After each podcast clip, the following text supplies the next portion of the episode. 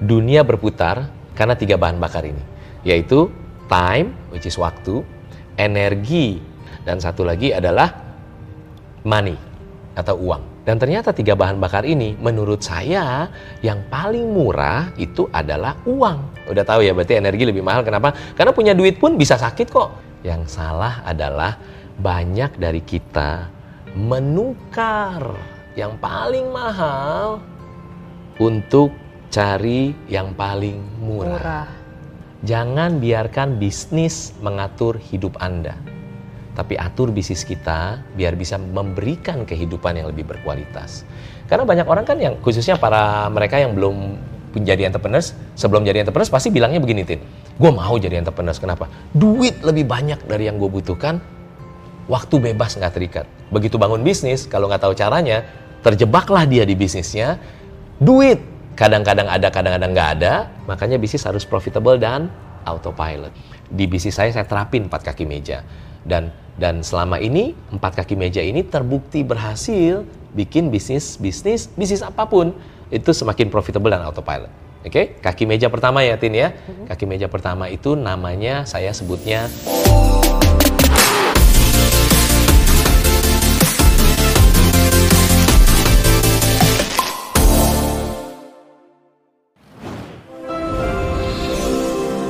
Video ini dipersembahkan oleh 101red.com.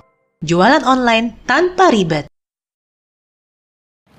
Oke, Coach Yohanes. Yes, nah, kita lanjut Christina lagi. Lee. Iya. Sebenarnya pengertian autopilot itu apa sih? Jadi gini, kapal, kapal laut gitu ya, itu autopilot kan pencet tuh, tet autopilot, tapi semua sistem jalan gitu kan ya.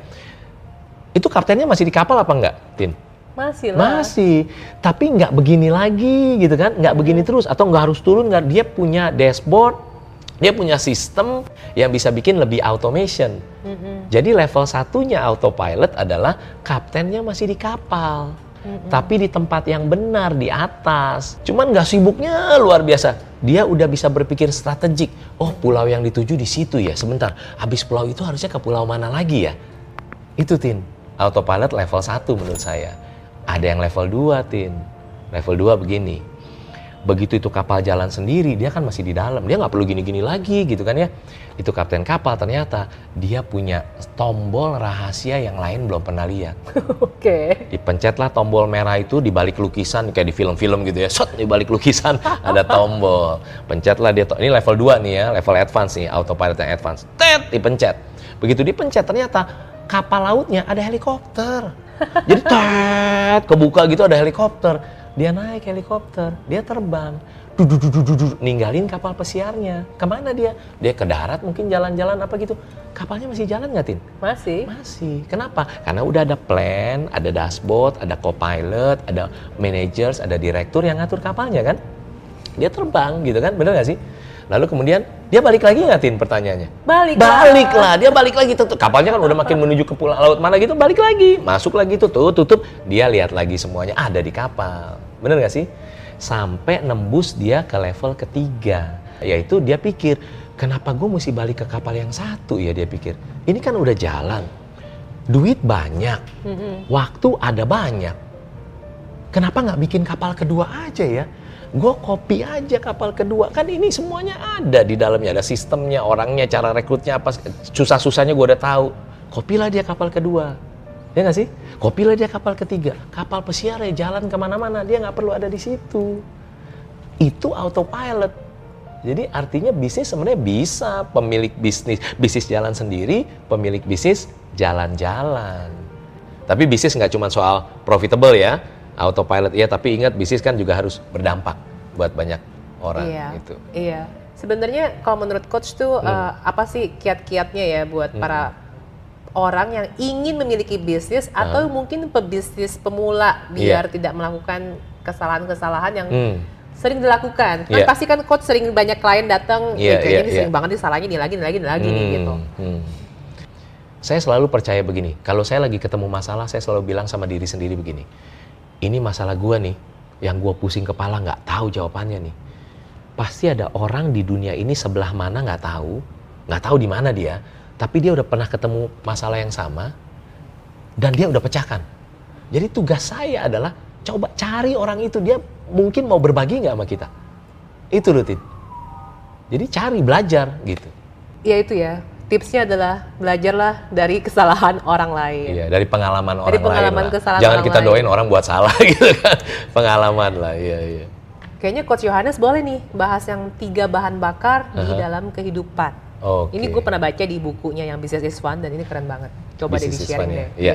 Jadi gini, kalau menurut saya dunia berputar, kita bangun pagi dan bekerja, pulang sore, malam, kita besok bangun pagi lagi. Pokoknya dunia berputar karena tiga bahan bakar ini, yaitu time, which is waktu, energi, dan satu lagi adalah money atau uang gitu ya. Dan ternyata tiga bahan bakar ini menurut saya yang paling murah itu adalah uang. Iya, Oke. uang paling murah. Iya. Kenapa uang paling murah, Tin? Gini, kita punya uang, tapi kalau kita sakit nggak bisa aktivitas gimana? Kita bisa bilang gini, karena punya uang jadi kita bisa beli fasilitas dokter yang lebih baik loh. Iya bener, tapi kita nggak bisa aktivitas tuh. Kita nggak punya energi. Kalau dari sisi yang lebih soft dimension lagi, kalau Anda nggak punya harapan, nggak bisa berenergi, Anda hidup kayak mumi aja berarti kan? Ya nggak sih? Jadi ini lebih mahal dari uang. Betul. Karena sakit itu kan basically susah ya kalau sakit itu di luar kuasa kita gitu kan. Nah makanya dua bahan bakar yang di atas ini time, energi, and money dua ini tuh Tuhan punya kuasa. Yang satu money itu manusia yang buat gitu. Sekarang energi lebih mahal ya. Udah tahu ya berarti energi lebih mahal. Kenapa? Karena punya duit pun bisa sakit kok. Sakit belum tentu bisa sembuh loh orang punya banyak duit. Memang tadi fasilitas bisa beli lebih baik, tapi itu di tangan Tuhan. Oke. Tapi lihat waktu, time. Time ini gokil banget. Time ini you can always make more money but you can never make more time. Anda bisa bikin duit lebih banyak lagi bisa kalau tahu caranya. Tapi apa pun yang terjadi Anda nggak bisa bikin waktu lebih banyak. Tetap 24 jam, tetap umur kita di tangan Tuhan, betul ya? Nah, hubungannya apa? Hubungannya adalah your time is your life. Your life ukurannya tuh your time. Yang salah adalah banyak dari kita menukar yang paling mahal untuk cari yang paling murah. Murah. Bener nggak sih? Iya. Kalau menukar terlalu banyak ada yang salah. Bener nggak? Menukar terlalu banyak waktu kita, kita bilang kita harus ke bisnis, kita harus itu ada customer janji loh. Aduh tapi kan jamnya waktu keluarga, tapi ini customer besar loh. Kita harus datang. Oke, berarti kita menukar waktu kita dengan demi uang. Makanya ada yang bilang begitu kan ya, eh, uang adalah akar dari segala kejahatan. Pernah dengar nggak? Uang adalah akar dari segala kejahatan. No, bukan uang akar dari segala kejahatan. Bukan. Cinta uang, akar dari segala kejahatan. Karena begitu kita cinta uang, bahkan kemarin ada bilang, Coach saya jadi budaknya uang nih di bisnis saya. Uh, bayangin tuh. Kita dibudakin uang, padahal yang paling mahal time. Jadi hubungannya apa sama bisnis? Ayo bikin bisnis kita harus profitable dan autopilot. Profitable tuh money. Tapi autopilotnya nih, ini yang mahal. Kita harus bikin bisnis kita bisa berjalan sendiri tanpa harus jadi kita punya waktu bebas, uang lebih banyak. Jadi jadi uang itu punya lebih banyak dari yang kita perlukan nggak salah loh. Kemarin ada bilang Coach Yohanes ada yang lebih jahat dari cinta uang. Oh apa pak? Banyak masukan soalnya gitu ya. Ternyata dia bilang ini tidak punya uang akar dari segala kejahatan. Ya gimana? Enggak, karena mumet kan nggak punya uang Iya. gitu kan, Din. Ya, tapi intinya uang tuh netral kok. Gitu. Nah, jadi bahan bakar yang menggerakkan dunia ini adalah time, energi, and money. And basically yuk kita bikin supaya lebih balance dan kita fokus time. Sehingga kita punya waktu lebih banyak melakukan apa yang mau kita lakukan dan apa yang kita harus lakukan dan jangan dibudakin sama uang akhirnya. Makanya saya selalu bilang, jangan biarkan bisnis mengatur hidup Anda.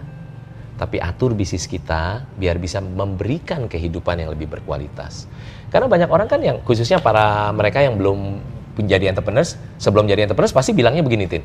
Seperti kita juga lah sebelum jadi entrepreneurs, kita pasti bilang, gue mau jadi entrepreneurs. Kenapa? Duit lebih banyak dari yang gue butuhkan, waktu bebas nggak terikat. Begitu bangun bisnis, kalau nggak tahu caranya, terjebaklah dia di bisnisnya, duit kadang-kadang ada, kadang-kadang nggak ada. Kalau ada, malah saya bilang begini, bisnis yang makin profitable justru makin ngeri. Kenapa, Tin? Karena bisnisnya makin profitable. Iya. Dia mulai punya tim segala macam, tapi dia harus jalanin bisnisnya kan? Iya. Dia nggak punya kehidupan. Iya. Makanya bisnis harus profitable dan autopilot itu. Tiga bahan bakar di sekolah kehidupan ini kita harus paham prioritasnya yang mana. Kiat-kiatnya apa nih biar bisnis tuh bisa autopilot? Ya, autopilot yang tadi sudah kita jelaskan ya definisi autopilot itu apa Hmm. dan juga profitable. Tin, eh, di Gratio kita mengajarkan dan kita mempraktekkan dan hasilnya nyata bisnis bisa profitable dan autopilot yaitu kita harus bangun empat kaki mejanya kan? Tadi kan? Dari tadi kita ngomong empat kaki meja. Apa sih empat kaki mejanya? Tentu saya nggak bisa jelasin semua lengkap di vlog ini karena butuh tiga hari. Nanti bayangin tiba-tiba begitu anda lihat uh tiga hari udah lewat gitu kan ya?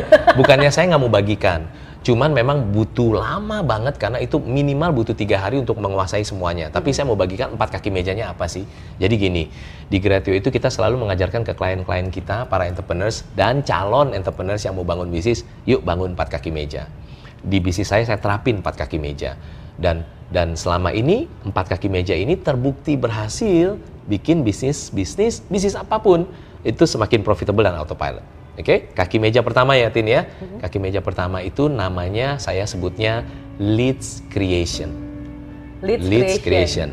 Artinya adalah leads kan calon customer, creation menciptakan semakin banyak calon customer. Oke.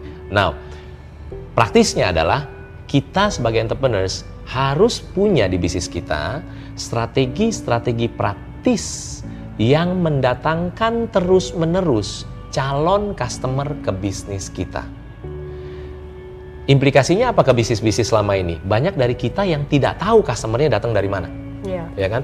Ini customer datang nih, aduh ya bersyukur sih sama Tuhan, tapi nggak tahu dia dari mana kan? Iya. Ada yang bilang, oh bisnis gua referral lo, that's good. Referral is good, selama itu cukup dan mes. Kalau cuma sedikit-sedikit nggak bisa, gitu kan? Jadi kita harus tahu. Jadi implikasinya banyak bisnis yang ternyata uh, lebih sedih lagi adalah mana dia customernya nih kagak datang gitu kan ya, calon customernya nggak datang ya nggak bisa. Karena satu hal yang paling penting di bisnis kalau di vlog sebelumnya ya kita bahas tadi adalah customer harus antri, Antri. udah gitu. Iya. Jadi ini leads creation harus punya. Iya. Kaki meja pertama, Iya. udah. Kaki meja kedua adalah kita harus punya yang namanya leads conversion. Hmm. Jadi calon customer didatengin terus. Kita ngerti kok kalau kita pasang strategi ini mau FB ads, IG ads, kita mau pakai offline, online, mau apa pun lah nanti ya. Eh, tapi intinya kita tahu bahwa yang ini mendatangkan. Oke, yang jelek kita copot, yang bagus kita tambahin. Udah gitu kan sistemnya simpelnya begitu. Oke. Jadi artinya calon customernya harus kita konversi. Gimana caranya kita konversi? Kebanyakan dari kita mungkin pas dengerin, oh iya tahu lah bangun bisnis pasti cariin datang calon customer.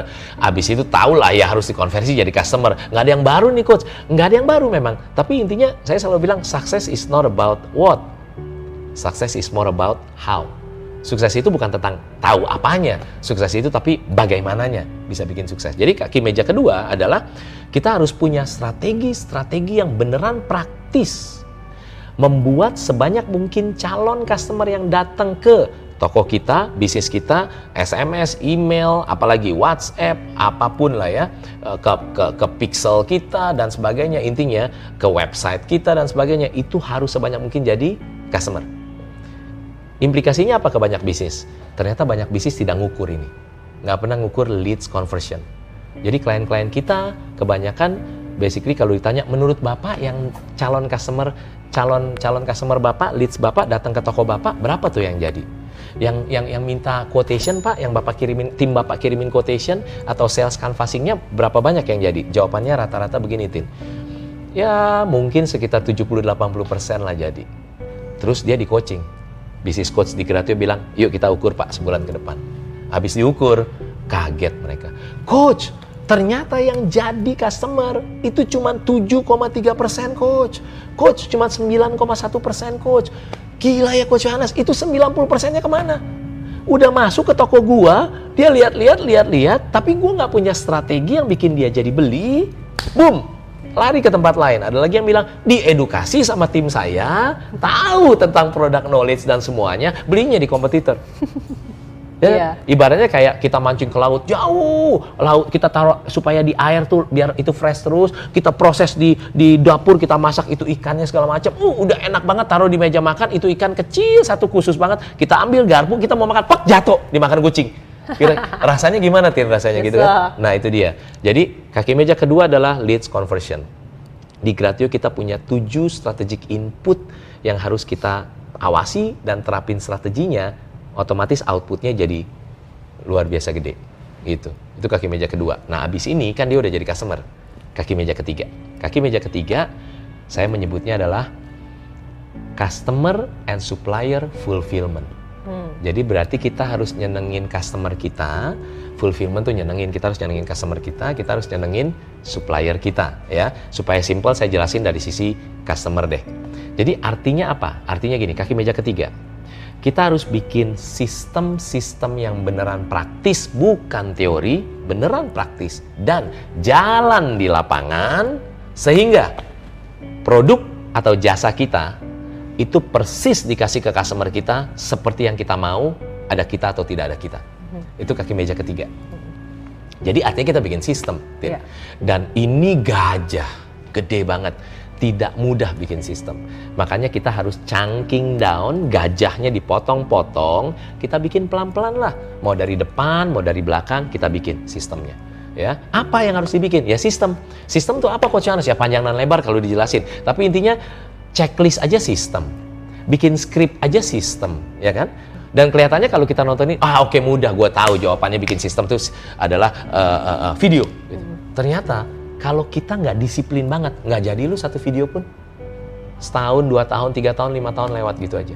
Nah di Gratio untuk bisa sistemnya jadi ada delapan step yang kita bagikan dan kita terapin, kita terapin, kita bagikan kepada klien. Delapan step bikin sistemnya beneran jadi. Gitu ya. Dah, kaki meja keempat. Kaki meja keempat adalah siapa yang belum disenengin? Pemilik bisnisnya. Jadi kaki meja keempat adalah shareholder fulfillment. Gimana cara nyenengin pemilik bisnis? Nah, cara nyenengin pemilik bisnis adalah ya udah jelas profit dong. Tapi banyak pemilik bisnis salah nangkep juga. Ternyata it's not about profit. Karena kita beli apa-apa nggak pakai profit kok. Ya sih? Misalnya mau beli baju nih, atau beli tas lah atau beli beli jam tangan kan kita nggak mungkin ke toko bajunya pak pak ini profit saya pak ya sini saya robek dikit bapak saya mau beli dong tolong tasnya kasih saya gitu kan nggak pakai profit pakai apa belinya tin pakai cash, iya, cash ya kan ya. iya makanya profit is the king saya setuju profit is the king tapi coach Yana selengkapin profit is the king cash is King Kong. Jadi King penting, iya. raja, tapi King Kong lebih berkuasa dari King dua-duanya harus kita balance. Nah, kaki meja keempat ini adalah bagaimana caranya kita bikin automation sehingga semua monitoring, semua desk akhirnya jadinya dashboard bahwa bisnis kita kesehatannya tuh sehat. Itu kaki meja keempat. Simpelnya yeah. lah ini. Yeah. Jadi ada dashboardnya. Makanya mulai kelihatan bisa autopilot kan. Tapi apakah jadi empat kaki ini udah jadi meja? Belum. Kurang apanya? Top table-nya kurang mejanya. Nah mejanya ini tin ya visualize ya ada meja gitu ya ada meja ada tek ditaruh mejanya dong. Nah mejanya ini adalah saya menyebutnya team creation, team conversion, and team fulfillment. Ini ini ini saya jelasin satu-satu. Ini dari empat kaki dan semuanya ini yang paling susah mejanya menurut saya. Karena mejanya ini orang, ya. Jadi meja. Team creation artinya apa? kita harus punya cara praktis bagaimana mendatangkan calon-calon karyawan mau bekerja di bisnis kita. Walaupun Anda sebagai pemiliknya merasa bisnis Anda masih kecil. Nah karena banyak pemilik bisnis yang bilang gini, aduh kalau karyawan bagus mah itu susah cari karyawan bagus. Ya, udah hard eating sama karyawan yang ada, makan hati. Karyawan bagus nggak ada yang mau datang ke sini. Tahu nggak kenapa? Karena perusahaan kita jelek sih, perusahaan kita kecil sih, gitu kan ya. Nah, akhirnya yang maunya kerja di perusahaan-perusahaan gede tuh, Anda salah kita belum tahu aja cara praktisnya bikin calon karyawan bagus mau kerja di perusahaan Anda. Di Gratio ada yang namanya GPR, Gratio Power Recruitment, Tin. Jadi pakai cara itu, Tin. Itu banyak banget calon karyawan ngantri mau kerja di klien-klien kita. Walaupun si klien merasa bisnisnya kecil. Jadi harus dong, kalau nggak gimana bisa jadi bisnis? Harus punya karyawan bagus. Ya, udah satu, team creation.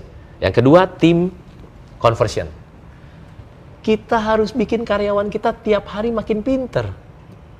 Training dong, praktisnya gitu kan. Kasih tahu lah semuanya gitu kan. Tapi saya tahu nih kalau Anda entrepreneurs lagi nonton vlognya Christina Lee akan bilang ini, ha dia salah Coach Johannes nih. Suruh bikin karyawan makin pinter, ngomong doang dia kagak tahu nih si Coach Yohanes. Gue, nih kata si entrepreneurs nih, kalau ada yang normal gitu ya. Gue udah pernah rekrut orang coach, gue ajarin, ajarin makin pinter coach, 7 tahun, 10 tahun ikut gue. Eh, tahu nggak coach? Dia dibajak sama kompetitor, pindah. Aduh itu hard eating stadium 2 coach katanya. Stadium 2 bayangin gitu kan ya. Pindah. Sedih nggak Tin kalau kita digituin? Sedih pasti. Bener nggak sih? Atau ada lagi yang temennya yang bilang, coach, kita kalau ajarin karyawan makin pinter, coach. Aduh, tahu nggak, coach? Begitu dia pinter, dia bikin bisnis sendiri, sewa ruko di sebelah kita beda satu tembok, coach. Customer dipindahin, semuanya pindah karena dia udah tahu semuanya. Kita kosong. Waktu kita, saya coach kata dia ya, kata entrepreneurs nih, waktu saya tutup rolling door, dia, saya lihat dia lagi tutup rolling door coach, saya lihat dia, dia lihat saya coach, aduh coach kalau saya bisa laser, gua bakar dia pakai laser gitu kan, karena stadium 7, stadium 7 tin hard eatingnya, Iya, iya. ya kan? Nah, jangan ajarin saya coach Yohana supaya bikin karyawan saya makin pinter. Ya kalau gitu option lainnya apa? Ya bikin bodoh dong tiap hari. Bagaimana bisnisnya bisa autopilot? Iya. Ya, ini supaya nggak nggak panjang gitu ya. Tapi intinya saya ketemu caranya, tin gimana caranya bikin karyawan itu bukan hanya nggak di hijack sama kompetitor, bukan hanya dia nggak jadi kompetitor, atau kalaupun itu terjadi, bisnis kita bisa terus berkembang. Option satu dulu ya. Option satu kan kita rekrut karyawan, lalu terus kemudian karyawannya kita ajarin tuh. Ada kemungkinan dong karyawannya dibajak kompetitor atau dia jadi kompetitor kita. Ada nggak? Ada. dong. Pertanyaannya berapa persen kemungkinan dia begitu? Berapa persen? Kalau 10%. normalnya 50 persen. Oh, 50%. 50%. Kalau yang baru disakitin bilangnya 100%, dia baru disakiti berarti. Oke. Kalau 10% mungkin nggak pernah disakiti mungkin ya. Iya, iya, makanya itu. Rata-ratanya 10 per- 50% lah. 50% ada kemungkinan dong 50-50. Udah ya? Oke. Oke, udah. Nah, Iya. option 2. Anda rekrut karyawan dan tiap hari pastikan bikin semakin bodoh. Iya bener.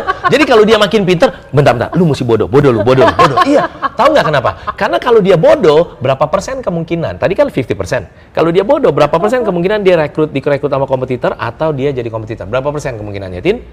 No. Enggak nol. Kamu normal berarti, Tin. Oh gitu. 20 persen. Oh gitu. Tahu nggak kenapa 20 persen? Ada orang di luar sana yang tadi saya cerita, cari karyawan susah ya coach, bisnis saya jelek kali ya, karyawan bagus nggak mau.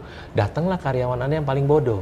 Heeh. Karena cari karyawan susah, ya dia interview yang udah pasti lulus kan? Ya nggak sih? Pernah nggak ketemu orang-orang yang begitu lihat CV-nya, lihat fotonya aja tiba set, setengah energi aja kesedot gitu ya? Ya gitu kan ya? Oke. Ya karena nggak tahu tuh cara praktisnya. Nggak tahu juga ada yang dear father and mother pernah? Ya, dia pakai Google Translate kepada bapak dan ibu tuh Google Translate. Dear father dan mother gitu ya. Iya. Jadi jadi orang ini cari karyawan udah udah pasang iklan di mana-mana, nunggunya lama, yang daftar cuman yang ngirim CV cuman belasan. Akhirnya dia rek, re- panggillah orang yang ada kan, datang karyawan paling bodoh dari Anda. Jadi terkumpulan dia sama orang-orang yang hard eating ya nggak sih? Balik, option 2 berarti berapa persen kemungkinan karyawan Anda dibajak atau jadi kompetitor? Kalau dibodoh-bodohin 20 persen. 20%. Udah ya? Nggak happy kayaknya nih jawabannya kalau 20 persen ya. Ada rahasia ketiga, ini 0%. Saya jamin pribadi, ini jamin pribadi. Anda nonton nih Christina Lee, saya berani jamin pribadi. Option 3.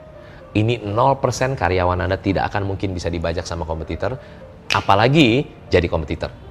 Option 3 ini adalah dijamin Anda tidak akan karyawannya jadi kompetitor atau dibajak sama kompetitor. Yaitu, jangan pernah rekrut karyawan. Semua kerjain sendiri. Berapa persen kemungkinannya? Nol. Nol persen kan?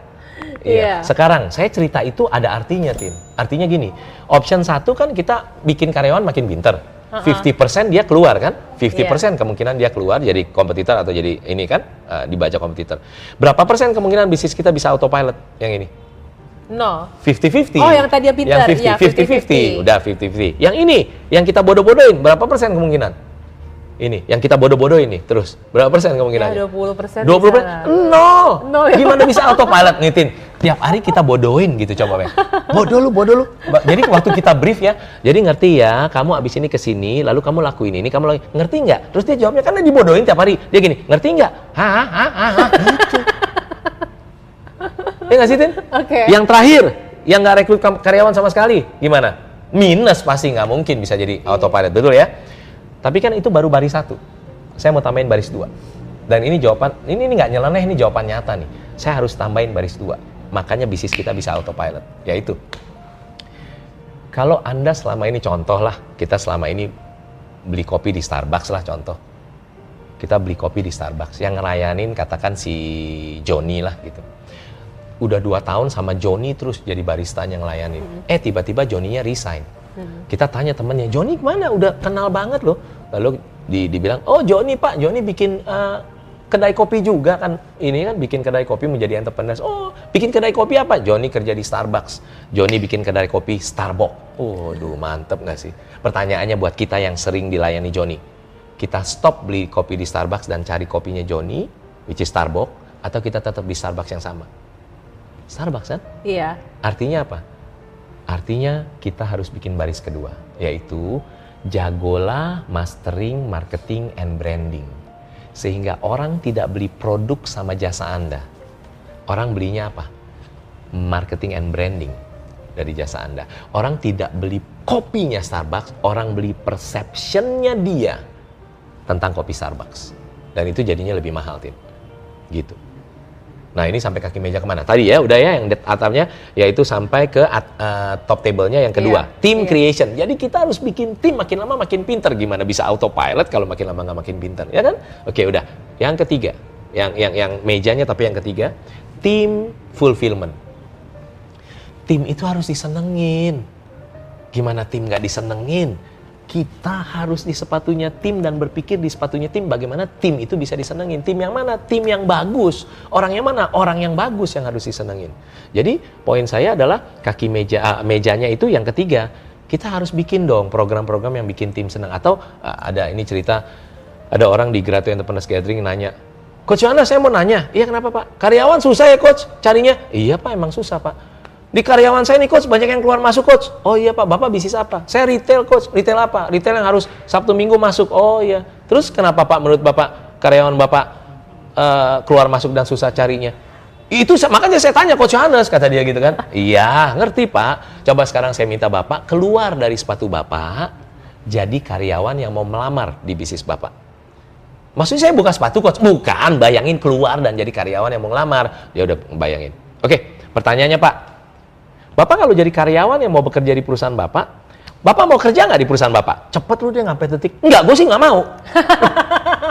Semua itu kan ratusan orang dengerin tuh. Pada, Tawa. pada ketawa kan dengerin. Kenapa Pak nggak mau? Dia jawab. Karena ya memang kita jarang kasih libur sih. Jarang kasih libur. Jadi liburnya berapa lama Pak? Ya sebulan sekali itu pun kalau saya lagi baik.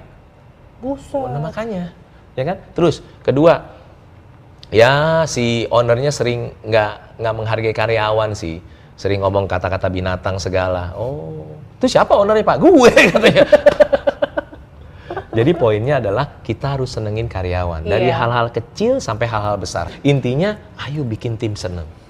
Rewards and consequences harus nyata, harus jelas. Tim itu termasuk kita, itu kalau kita udah ngomong aja, kita harus penuhin loh. Apalagi udah tertulis. Jadi mejanya adalah tim fulfillment. Kita harus senengin tim. Tapi tim yang mana? Tim yang skillnya bener dan attitude-nya bener. Hmm. Kalau tim yang skillnya bener tapi attitude-nya nggak bener, sorry, jangan ada di kapal ini. Kalau tim yang attitude-nya bener tapi skillnya nggak bener, itu yang susah tuh. Dia baik gitu ya, tapi kerjanya nggak bener, tim gimana tim? Ya tetap ini kan bisnis, ya kita Iya. latih skillnya kalau bisa. Tapi kalau nggak bisa, ya I'm so sorry, gimana gitu kan? Jadi itu mejanya. Nah, lalu ditambahinlah di bawahnya ada fondasi. Mejanya ada fondasi, Tin.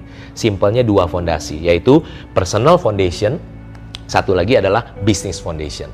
Jadi kakinya kuat dan akhirnya bisnisnya bisa ditinggal profitable autopilot. Tentu jelasinnya singkat memang. Tapi memang karena saya yakin vlognya nggak mungkin kan tiga hari masa nonton vlog ini terus kan nggak mungkin. Tapi poinnya adalah itu empat kaki meja yang selama ini kita terapin di bisnis-bisnis saya dan di bisnis klien-klien kita dan any bisnis kita nggak pernah ngelihat bisnis yang tidak bisa profitable dan autopilot gitu. Makanya kakinya 1, 2, 3, 4, mejanya 5 berarti kan sama fondasinya 6, 7. Makanya di buku Business is Fun saya bagikan ada 7 strategi praktis lengkap yang terbukti berhasil bikin bisnis sukses yaitu profitable dan autopilot. Gitu, Tim. Boleh kasih contoh nggak? Ya, contoh apa Coba, misalnya? study case. Iya. Soalnya kan kalau gue lihat di Iya. business fund banyak tuh Nah. contoh-contohnya Iya, iya, iya. yang dari yang eh, kurang profitable Iya. jadi profitable Iya. Iya. biar bisa dipelajari bareng. Contoh deh, satu klien ini tadinya anak muda nih di bawah 30 sibuk banget di bisnisnya. Dia punya toko baju.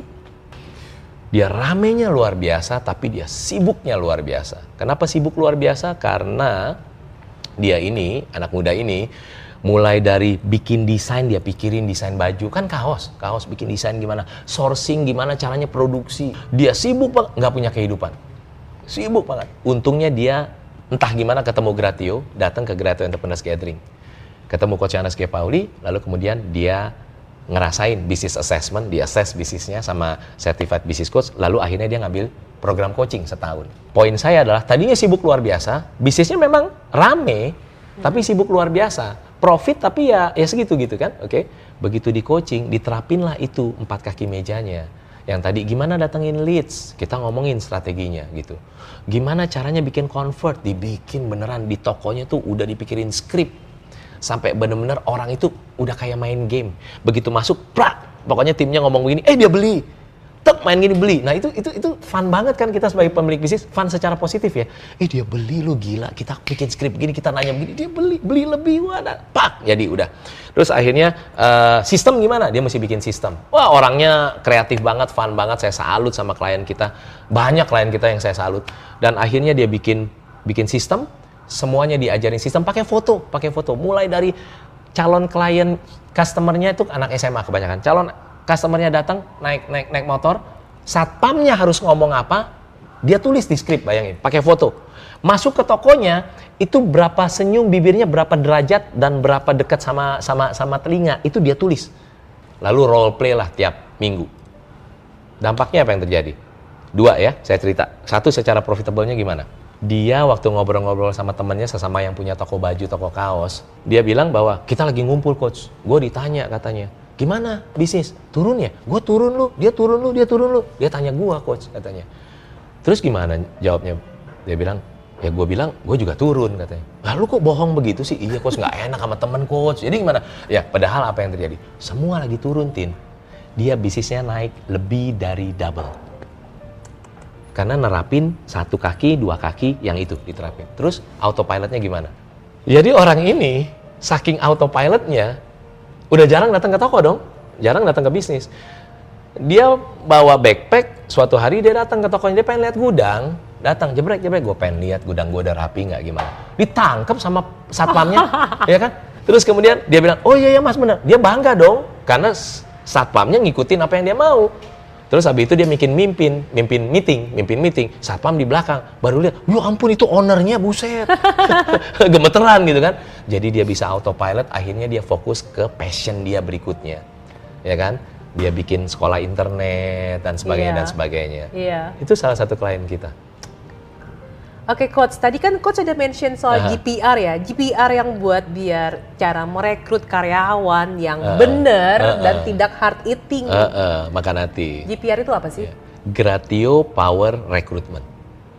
Banyak pemilik bisnis, bahkan banyak calon calon pemilik bisnis yang nggak bisa bikin bisnisnya jadi scale up, jadi gede, Iya. kan nggak nggak nggak ketemu karyawan yang benar. Iya. Karena nggak mungkin sendiri lah, Superman nggak mungkin, ya. Nah, jadi balik lagi nih, Gratio Power Recruitment tuh begini. Jadi banyak entrepreneurs yang, aduh, cari karyawan sulit ya, Coach Johannes.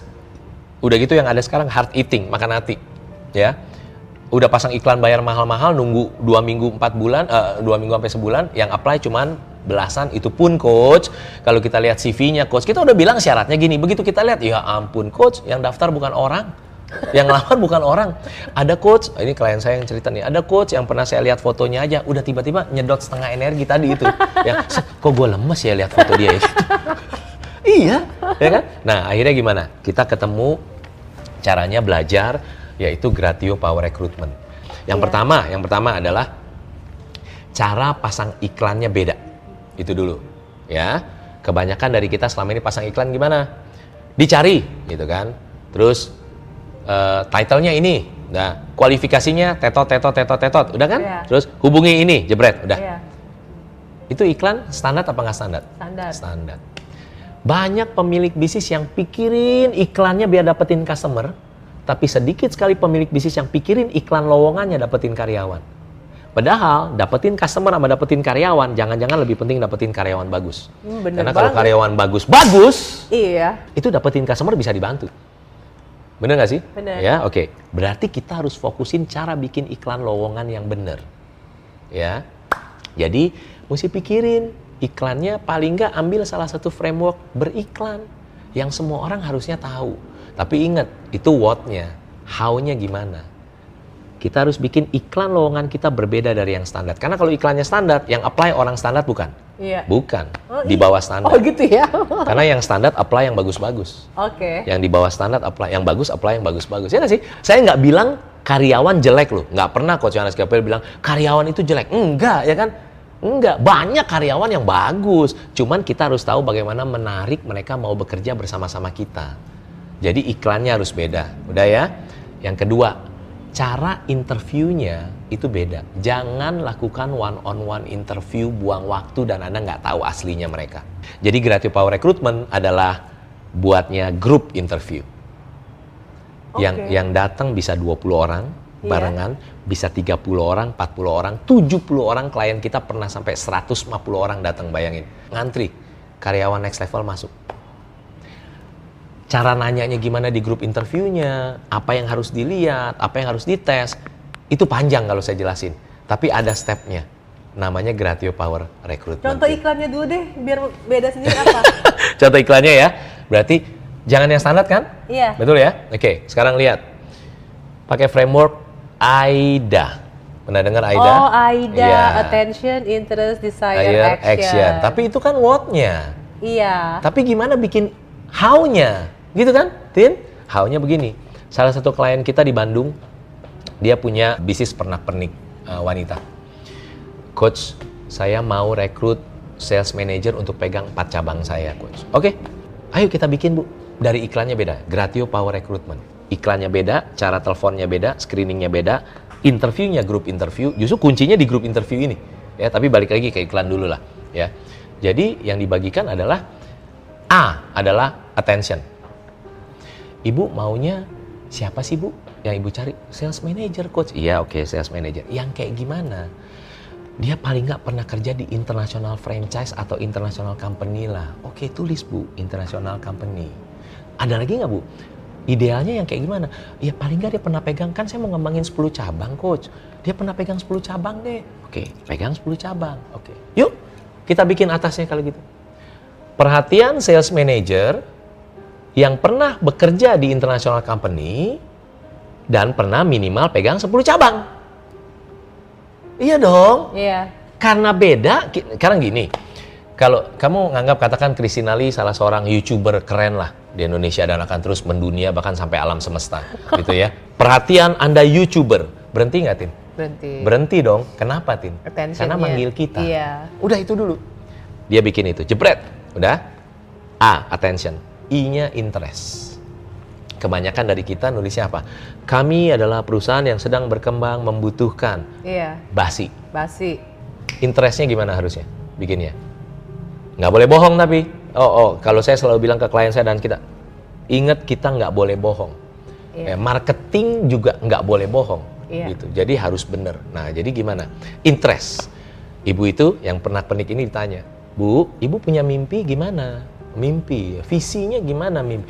Mimpinya sih mau kayak Coach Yohanes, Coach seribu nih Coach di seluruh Indonesia saya. Oke, boleh dong kita tulis begini. Perhatian lalala tadi udah di bawah, interest. Kami adalah perusahaan yang punya mimpi mengembangkan seribu outlet retail di seluruh Indonesia. Sedang mencari, beda nggak? Bohong nggak dia? Dia nggak bohong kok, ya kan? Orang yang baca beda. Uh, mau seribu loh. Wow, keren. Ya, udah ya, interest ya. Habis itu desire. Bikin orang makin nggak tahan untuk, uh, gue mesti apply nih, gokil nih, gue mesti apply nih. Nah, itu. Apa tuh dot, dot, dot yang bener-bener diinginkan oleh karyawan? Jawabannya bukan salary lebih besar dari segalanya. Enggak, ternyata nggak harus salary. Berapa banyak dari Anda yang pernah kerja, salary Anda besar, tapi ternyata Anda nggak happy. Ya kan? Ada hal-hal lain yang dimauin sama karyawan, salary ya, eh, jangan jawab saya bahwa bilang bahwa kalau gitu salary nggak penting coach, kita kasih nol gimana? Ya nggak mungkin lah, gitu. Salary penting, tapi harus ada yang lain. Apa? Working environment, apa? Facility apa? Apa? Training, kesempatan karir, apa? Belajar apa? You know that things. Bisa jalan-jalan apa gitu? Itu tulis gitu. Desire orang, wah ini beda nih, perusahaan ini beda nih. Dia bilang gitu, orang bagus, beda nih kayaknya gitu. And then action. Action jangan kirim CV Anda ke Apalagi banyak dari kita para pemilik bisnis yang pakai alamat emailnya yang gratisan, ya kan? Oh ini penting nih, makanya saya saya, saya senang yang praktis dan fun dan praktis pastinya gitu tin. Itu email jangan pakai yang gratisan untuk iklan lowongan, Jack, gitu kan? Masa iklannya PT ABC atau PT XYZ at gmail.com. Tapi hal-hal kecil kayak gitu kita harus Yeah. perhatikan. Jadilah Aida dan Anda lihat deh, boom, boom, boom, boom, mulai masuk CV-CV lebih banyak dari biasanya. Ada nggak coach yang jelek yang masuk? Tetap ada. Iya. Tapi ada yang next level karyawan apply di bisnis Anda. Habis itu, kalau Anda interview satu-satu, pakai Gratio Power Recruitment. Group interview, kita punya set of questions yang ditanya bukan tentang skill, Tin. Fokus ke attitude. Contoh ya, tanya gini. Ya, saya pengen tanya di sini. eh, apa yang Anda ingin capai dalam hidup Anda dan kenapa? Siapa yang mau tunjuk tangan? Lihat, lihat, lihat. Kuncinya bukan cuma itu. Lihat, siapa yang tunjuk tangan? Yang tunjuk tangan lebih mungkin proaktif Iya. daripada yang enggak. One on one interview, you nggak bisa lihat proaktifness, proactivity-nya. Tapi itu baru satu sisi kecil. Lihat ya, lihat ya. Nanti nih kita tanya cepat, cepat, cepat, cepat, cepat, cepat, cepat. Ada beberapa orang loh yang ditanya nggak pernah tunjuk tangan. Kan bayangin 30 Iya. orang yang datang. Iya. Terus kita penasaran, ini gue belum pernah lihat mukanya, dia ngumpet terus di belakang kan di belakang. Iya. Begitu kita ke sini, dia ke sini, "Wih, gitu, ya ampun, kita ke sini, dia ke sini, wah gila, ini mau cari kerjaan apa enggak gitu kan ya? Ada apa gitu kan ya? Bisa jadi dia minder, bisa jadi dia nggak proaktif, dia nggak, bisa jadi dia nggak flow aja cek. Nah yang kayak gitu jangan dipilih. Oh iya, mau dipilih. Enggak juga sih. Nanti akhirnya, makanya kenapa banyak yang rekrut biasa one on one interview. Begitu kita kumpulin tim kita, terus kita bilang, tim, ayo kita kumpul ini meeting ya. Oke, saya mau tanya nih, kita punya masalah ini. Ada yang punya ide nggak tim? Sut, semuanya baca urat meja. Semua nunduk. Ngalamin ya, tahu ya, ngerasain ya. Diam gitu kan. Baca urat meja. Gue bingung nih, gue lagi tanya Tapi keren banget. baca urat Ini meja. interesting loh. Iya, berarti another vlog lagi nanti tuh ya sendiri Wah, lagi. interesting. Tim, baca urat meja, Tim. Hal itu nggak, Tim? Gua bingung, kita brainstorming. Mana ada brainnya? Orang-orang blank, brainstorming dong, ya nggak sih? Iya kan? Tapi yang interesting tadi kan uh, Coach Yohanes juga bilang Hmm. meladeni Hmm. UKM bahkan yang cuma satu kali satu meter bisnisnya imut. Iya, iya. Nah, eh, sebenarnya dari secara fee itu Hmm. te- terjangkaunya itu semurah-murah yang terjangkau tuh berapa sih? Boleh nggak Iya. sih dikasih tahu atau rahasia? Jadi saya juga berpikir bahwa kita kan mau nolongin orang bukan cuma uangnya doang, tapi kita mau mau membantu sampai ke bawah kalau bisa. Gitu Iya. kan. Jadi gimana caranya? Kita bikin program. Ada program yang ada yang startup bisa lebih jauh lebih murah dari itu, ada yang basically ada yang baru mulai, bahkan Gratio Business University itu adalah Iya tadi. yang belum mulai. Jadi kalau Bisa Anda sekolah. karyawan atau Oh. Anda basically pernah bangun bisnis tapi nol terus omset profitnya Iya. atau Anda uh, entrepreneurs pengen anaknya belajarlah entrepreneurship karena susah ngajarin anak sendiri kagak denger dia. Iya. Udah masuk ke Gratio Business University itu ngikut 8 bulan doang dijamin bisnisnya jadi walaupun Anda saat ini nggak tahu bisnisnya mau apa. Gitu. Ya. Dan itu lebih murah gitu, Tin. Adalah angkanya gitu. Tapi saran saya sih jangan jangan langsung datang terus di coaching di Gratio. Saran Oke. saya adalah datang deh ke salah satu Gratio Entrepreneurs Gathering. Kan cuma sehari ya Oke. investasinya jauh lebih murah kan kan ikut kayak bisnis seminar gitu dan itu bukan preview itu bukan seminar preview bukan seharian mau beli preview gimana itu benar kayak tadi Jadi kayak daging lah. udah. daging banget Oke. makanya kayak buku ini saya seneng banget nih salah satu yang saya bingung nih Tin ya Iya. buku ini reviewnya ada yang bilang wah isinya daging banget katanya Tapi gitu emang ini isinya daging banget iya sih. pertama kali saya baca saya bingung Ini, lo nggak takut ya ini buku akan mengkanibal semua seminar lo ya? Karena Iya. lo baca buku ini aja sebenarnya udah cukup ngerti sih. bener bener Ini, ini enak banget bahasanya. Ini bahkan Tin ya. Thank you Tin. Ini nih Tin, waktu skripnya saya kasih ke para certified business coach di Gratio, komennya sama. Coach Anas lu nggak salah coach. Lu mau terbitin buku ini. Ini kan semua yang kita ajarin yang Iya. dibayar 70-80 juta sekali ketemu. Iya, Saya bilang, kita kan mau berdampak.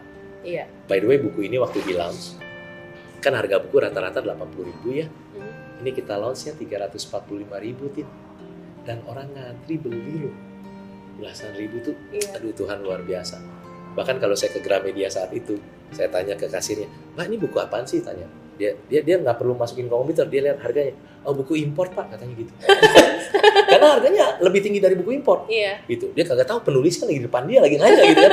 Nah, terus kemudian buku ini karena di tahun kedua udah jadi nasional bestseller gitu, tahun kedua marketing manager saya ingetin coach kan tujuannya untuk semakin reach bertampak. Ya udah kita turunin harganya jadi wow semakin banyak. Di buku ini ada di Gramedia ada, Oh, apa sih ada di tapi lebih Gramedia? gampang lagi di businessisfun.biz. Jadi Oke. searching businessisfun.biz Isfun.biz. bukan .com ya. Businessisfun.biz. Biz. Harganya dijual sekarang berapa? Harganya ah terjangkau lah. Lihat aja di sana. Ya, lihat aja biar penasaran. Ya. gitu ya. Langsung dikirim ke alamat rumah Anda kalau businessisfun.biz. Dan inget loh, ada free tiga buku. Caranya itu adalah dengan komen apa sih kesan positif, Pembelajaran terbesar pembelajaran bisa. terbesar yang eh, kalian dapatkan setelah nonton part 1 dan part 2-nya Coach Yohanes. Iya. Dan apa sih action yang nextnya tuh mau ngapain setelah denger ini gitu loh. Dan ini buku beneran recommended banget, recommended banget. Bahkan waktu itu gue juga pas lagi bahas buku ke anak-anak imbas juga banyak yang bilang buku lo bagus. Thank you, thank you. Iya. Ini buku kan ditulis bahasa Indonesia. Iya. Kita lagi terjemahin ini, dukungan doa ya buat semuanya ya. Kita lagi terjemahin ini ke bahasa Inggris Aha. karena kita akan masuk ke Amazon.